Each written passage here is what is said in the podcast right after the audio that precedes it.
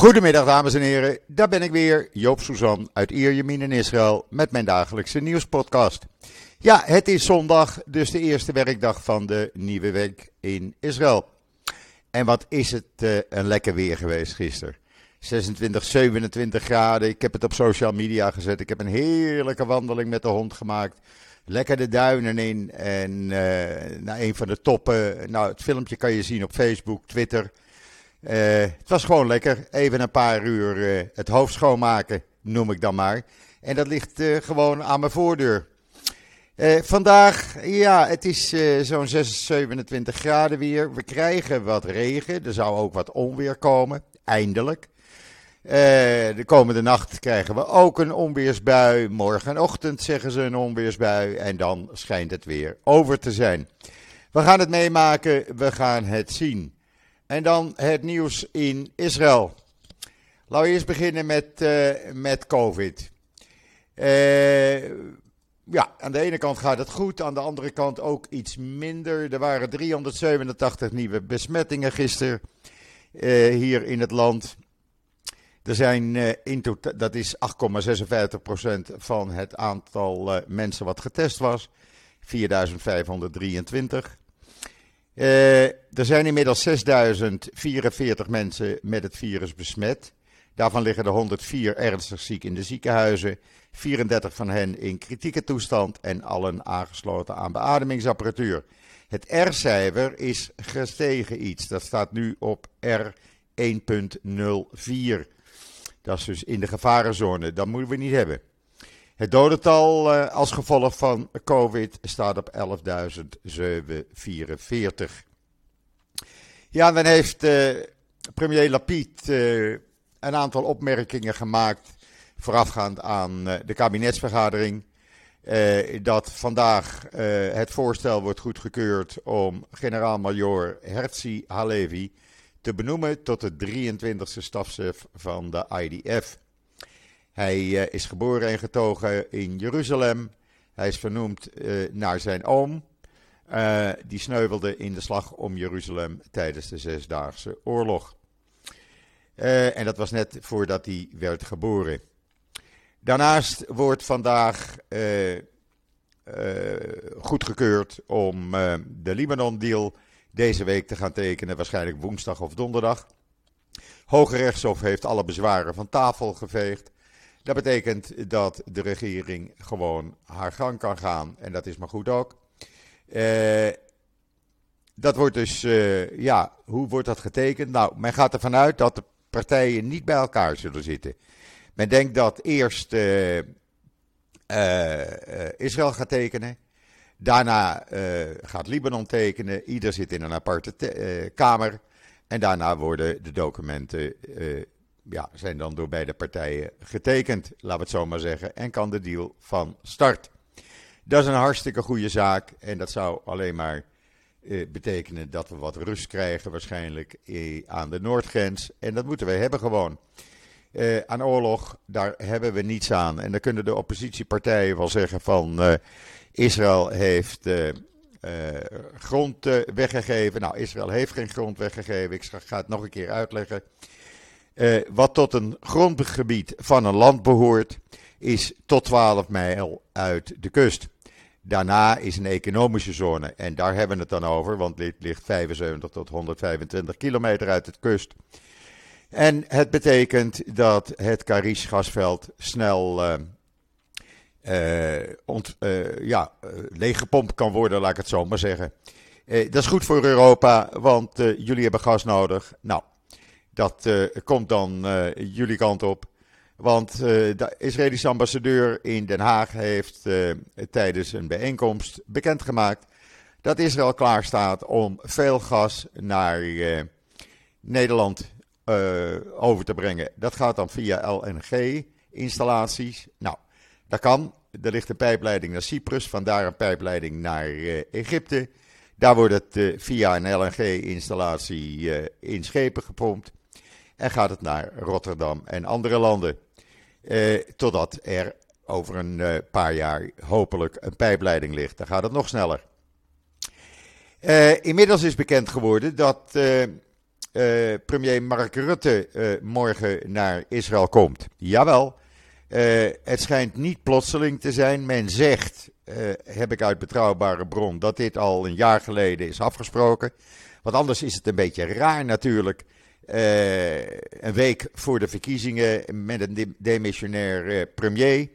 Hij uh, gaat met Lapid praten, hij gaat met Gans praten, met uh, Netanyahu en hij gaat nog even met Abbas aan de koffie. Er is een persconferentie op dinsdag, dat zal rond het lunchuur zijn. daar ga ik naartoe. En dan heb ik ook de kans om een één op één interview met hem te doen gedurende 4, 5 minuten. Misschien maken we er 6 of 7 van. dan ga ik hem een aantal vragen stellen. Uh, mochten jullie nog specifieke vragen hebben, zend me dan even een uh, berichtje. Dan zal ik uh, absoluut die vragen gaan stellen. Ik wil het hebben over het feit dat hij de Joodse gemeenschap geen gelukwensen meer wenst met feestdagen. Ik wil het hebben met hem over het negatieve stemgedrag van Nederland in de Verenigde Naties. En ik wil het sowieso met hem hebben over het feit dat ook de Nederlandse regering nou niet meer echt positief eh, ten opzichte van Israël eh, zich uit. Eh, en er zullen nog wel wat vragen komen. Maar ja, klant is koning. Hebben jullie vragen? Laat me even weten. Dan ga ik die absoluut stellen. Inmiddels heeft eh, de afgelopen avond en nacht de IDF en de Veiligheidsdienst Shin Bet uh, weer acht terreurverdachten opgepakt op verschillende locaties in Judea en Samaria. Dat uh, maakt nog steeds deel uit van operatie Break the Wave. Uh, dat gebeurt elke dag. we willen de kans op terreuraanslagen zo klein mogelijk houden. Geen gewonden bij de Israëlische troepen. Het videootje staat in israelnieuws.nl. En dan uh, is er een Palestijn, een Palestijnse jongen van 17 jaar, gisteravond met een gestolen auto, die had hij in Golond gestolen, uh, door de veiligheidsbarrière van Ben Gurion Airport gereden. Jawel, uh, iedereen die hier wel eens is geweest en teruggaat, moet door die veiligheidsbarrière. Er werd natuurlijk meteen geschoten op hem. Ze hebben hem ook gepakt en hij zit voorlopig vast. Hij is geen martelaar geworden. Hij gaat ook niet naar de 72 maagden toe. Hij zit gewoon in een cel. Waarom hij dat gedaan heeft, is nog niet bekend. Maar dat zal later vandaag of morgen wel bekend worden. In ieder geval, de bewakers die altijd heel streng eh, daar staan. Eh, met volle bewapening, die hebben alert gereageerd. Uh, verder is er uh, een vooraanstaand lid van de terreurgroep Lions Den gedood. Uh, hij pakte een motor, of hij reed op een motor en die ontplofte. Daar was een uh, ja, explosief aan uh, aangebracht.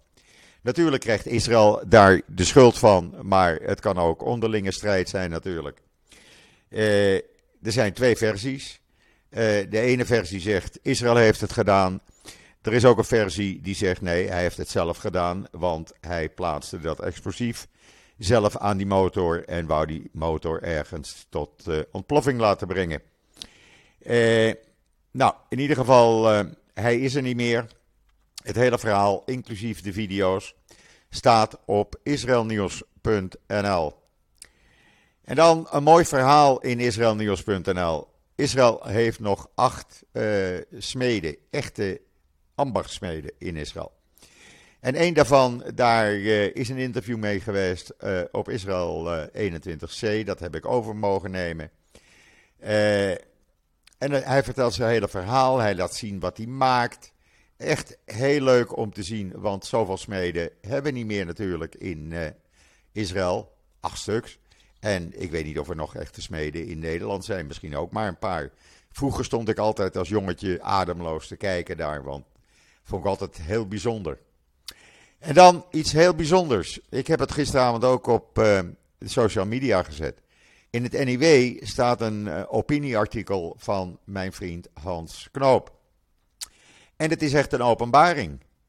Want het blijkt eh, dat het verhaal over de foute telegraaf in de oorlog, een krant van de NSB, dat dat helemaal niet waar is. Dat is een, een mythe. Het blijkt zelfs dat de Telegraaf voor de oorlog het grootste aantal Joodse journalisten in dienst had. Uh, bijna alle redactieleden waren Joods. Uh, neem bijvoorbeeld de chef sport Han Hollander uh, of tekenaar Joost Spier. en ja, de Telegraaf heeft geholpen om zoveel mogelijk van hun medewerkers in veiligheid te brengen, te laten onderduiken, weggebracht met bedrijfsauto's. ja, het is een heel ander verhaal als dat de mythe luidt van een foute telegraaf. Want in wezen is de telegraaf minder fout geweest dan bijvoorbeeld Algemeen Handelsblad, wat tegenwoordig NRC is. En eh, waarvan je nog steeds kan zeggen, ze zijn anti-Joods en anti-Israël. Maar lees dat verhaal in het NIW, want nogmaals, voor mij was het een openbaring. En eh, ja, ik weet hoe Hans te werk gaat, Hans Knoop. En hij schrijft niet zomaar iets op, dat doet hij echt... Eh, nagedegen onderzoek. En het is een lang verhaal, maar ga even naar de website van het niw.nl en lees daar het verhaal. Eh, wil je het niet opzoeken? Het staat ook bij mij op Twitter en Facebook en LinkedIn. En dan had Wynet een heel lange interview met Lapid over de komende verkiezingen. Uh, hij, uh, ja, hij gaat daar echt, uh, hij opent zijn hart. Maar waar hij bang voor is, en dat is hij niet alleen, er zijn velen in Israël bang voor, is dat Netanyahu de uitslag van de komende verkiezingen eh, niet zal erkennen en beroep zal aantekenen op het moment dat hij geen coalitie kan maken. Als hij niet aan die 61 stemmen komt, dan gaat hij absoluut eh, daartegen in geweer. En dat is natuurlijk een, uh, een foute zaak. En ja, dat heeft hij de vorige keer ook geprobeerd. Toen trok hij ook de uitslag in twijfel en dat zal nu waarschijnlijk ook uh, mogelijk zijn. Er wordt hem ook gevraagd van, wil je geen tv-discussie, debat met Netanyahu? Natuurlijk zegt hij, wil ik dat. Ik ben er klaar voor, maar Netanyahu weigert al 15 jaar om een televisiedebat aan te gaan. Waarom? Ja, dat, dat weten we niet. Netanyahu wil dat gewoon niet. Uh, ben je bereid met de Likud te, te, gaan regeren? Natuurlijk ben ik bereid met de Likud te gaan regeren, alleen niet met Netanyahu. En dat geldt voor Gans en dat geldt voor velen. Er zitten capabele mensen bij de Likud, daar kunnen we prima mee uh, samenwerken. Maar we gaan niet samenwerken, zegt Lapid in dat interview in Wijnet, met iemand die uh, voor drie strafrechtszaken voor de rechtbank staat. We moeten geen premier hebben die op hetzelfde moment ook zijn aandacht en tijd moet besteden aan de rechtbank. En uh, ja, hij twijfelt eraan, Lapid, dat er, uh, mocht er zelfs door Netanyahu en zijn rechtse coalitie 61 Knessetzetels worden gehaald, uh, dan twijfelt hij eraan dat Netanyahu een regering samen kan stellen. Want dan krijgen we meteen Benkwier, de extreemrechtse racist, om het zo maar even te noemen, zo noem ik hem. Die loopt met een pistool te zwaaien. Die wil minister van Justitie of minister van Binnenlandse Veiligheid worden. Nou, dat kunnen we niet hebben. Eh, dan willen we, dan willen Smotrich van uh, de Zionistische partij, de uh, ja, extreemrechtse Zionistische partij, die wil minister van Defensie worden. Nou, de man heeft amper in dienst gezeten en je moet wel iemand hebben die een militaire achtergrond heeft hier in deze regio. Ja, het is een heel lang interview. Ik zou het even gaan lezen in de Wynet. Ik heb het met aandacht uh, gelezen. En ik moet zeggen, hij zegt een aantal wijze dingen. Natuurlijk, we gaan afwachten wat er volgende week dinsdag gaat gebeuren. Dat wordt echt heel spannend. Want inmiddels heeft namelijk uh, dat interview dus in de Engelstalige Wynet. Inmiddels heeft namelijk na Smotrich van de Zionistische Partij ook David Amsalem, de schreeuwer in de Knesset, lid van de Likud en uh, staat dicht bij Netanyahu, die heeft gisteravond op Channel 12 televisie heel duidelijk gezegd dat we af moeten van uh, het strafbaar stellen van fraude en vertrouwensbreuk. Als dat gaat gebeuren, ik heb het verleden week ook al een paar keer gezegd, dan heeft Israël, is Israël rechteloos. Want fraude, dat gebeurt nu al enorm veel. En dan doet iedereen maar wat hij wil. Dan hebben we geen democratische staat meer. Dan hebben we een land zonder wettelijk, uh, wettelijke rechten. Eh, ja, dat gaat natuurlijk hartstikke fout. Dat kan niet. En dat zegt uh, Amsterdam ook heel eerlijk. Waarom willen we daar vanaf? Zegt Amsterdam. Nou, gewoon omdat de aanklachten tegen Netanyahu, die zijn allemaal niet waar. En dan is hij meteen van die aanklachten af en dan kan hij premier worden.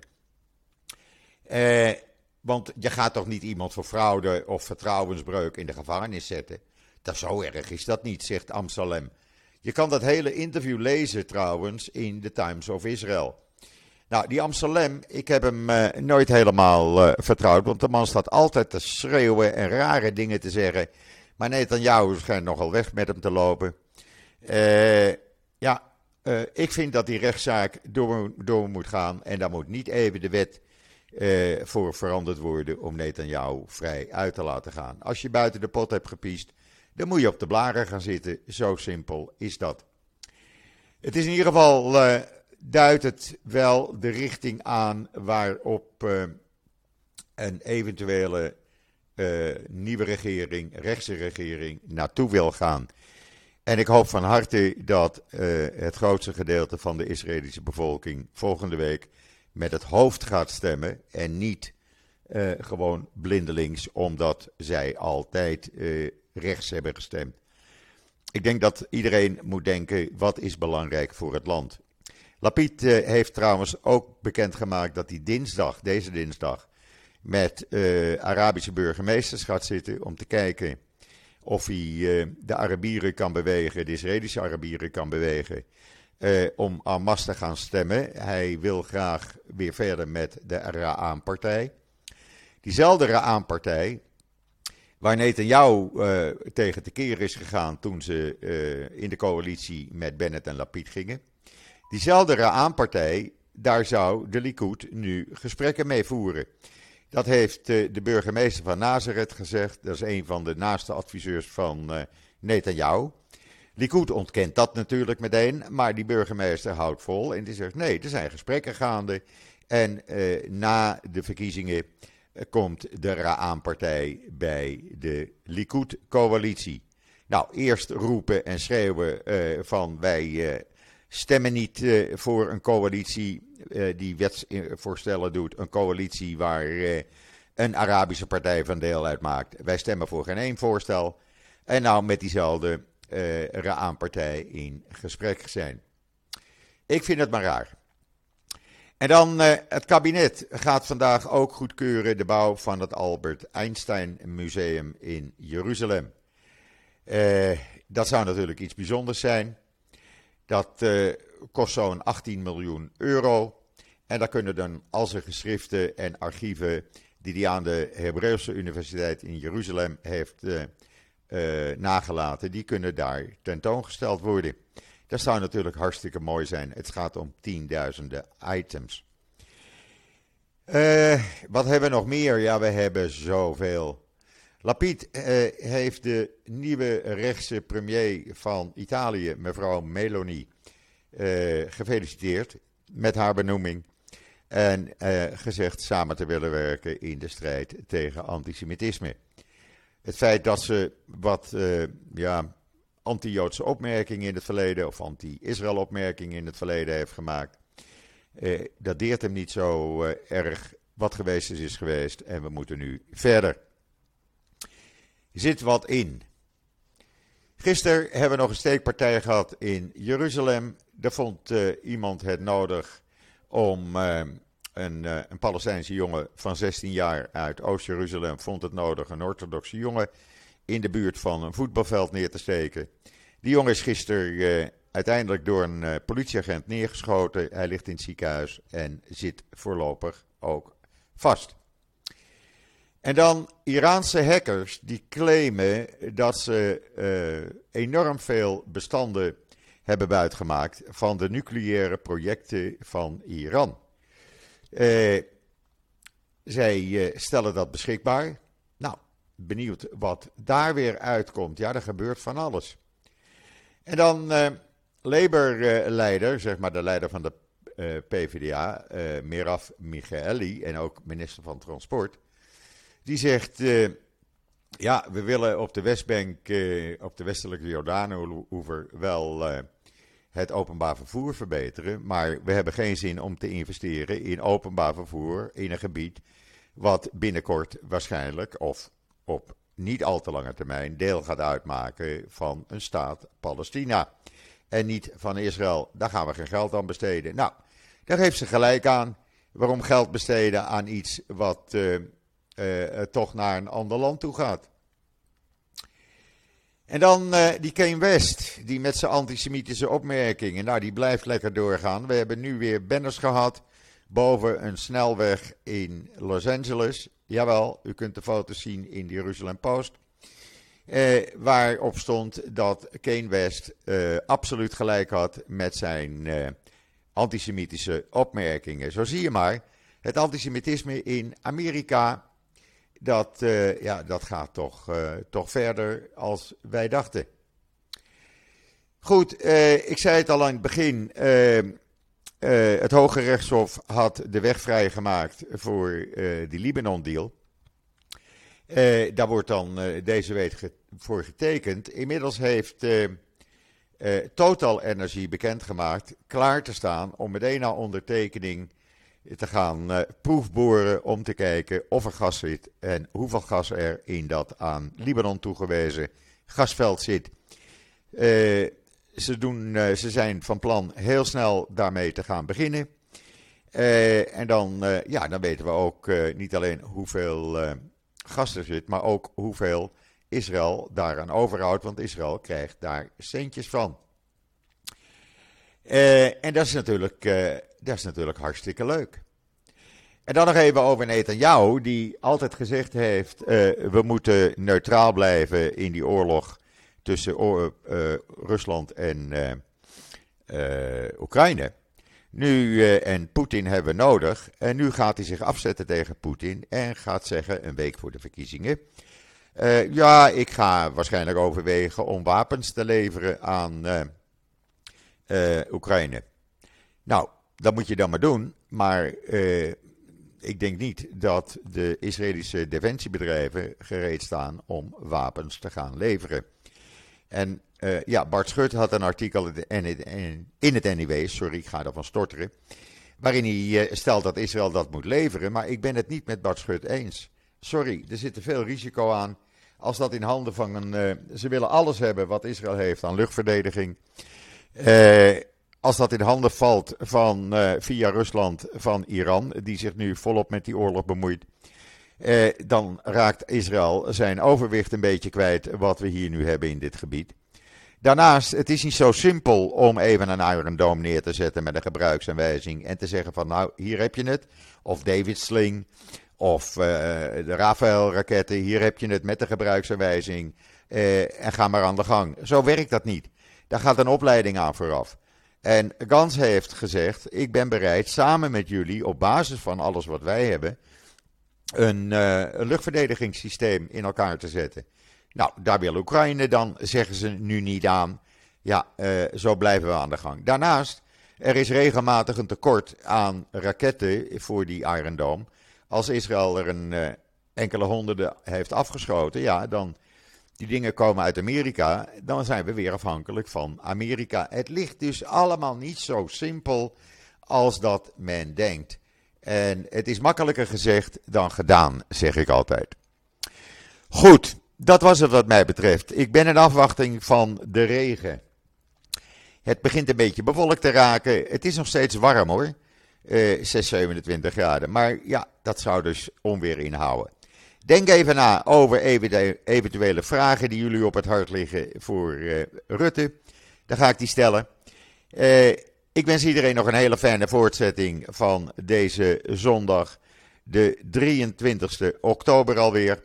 Ik ben er morgen weer en zeg zoals altijd: tot ziens, tot morgen.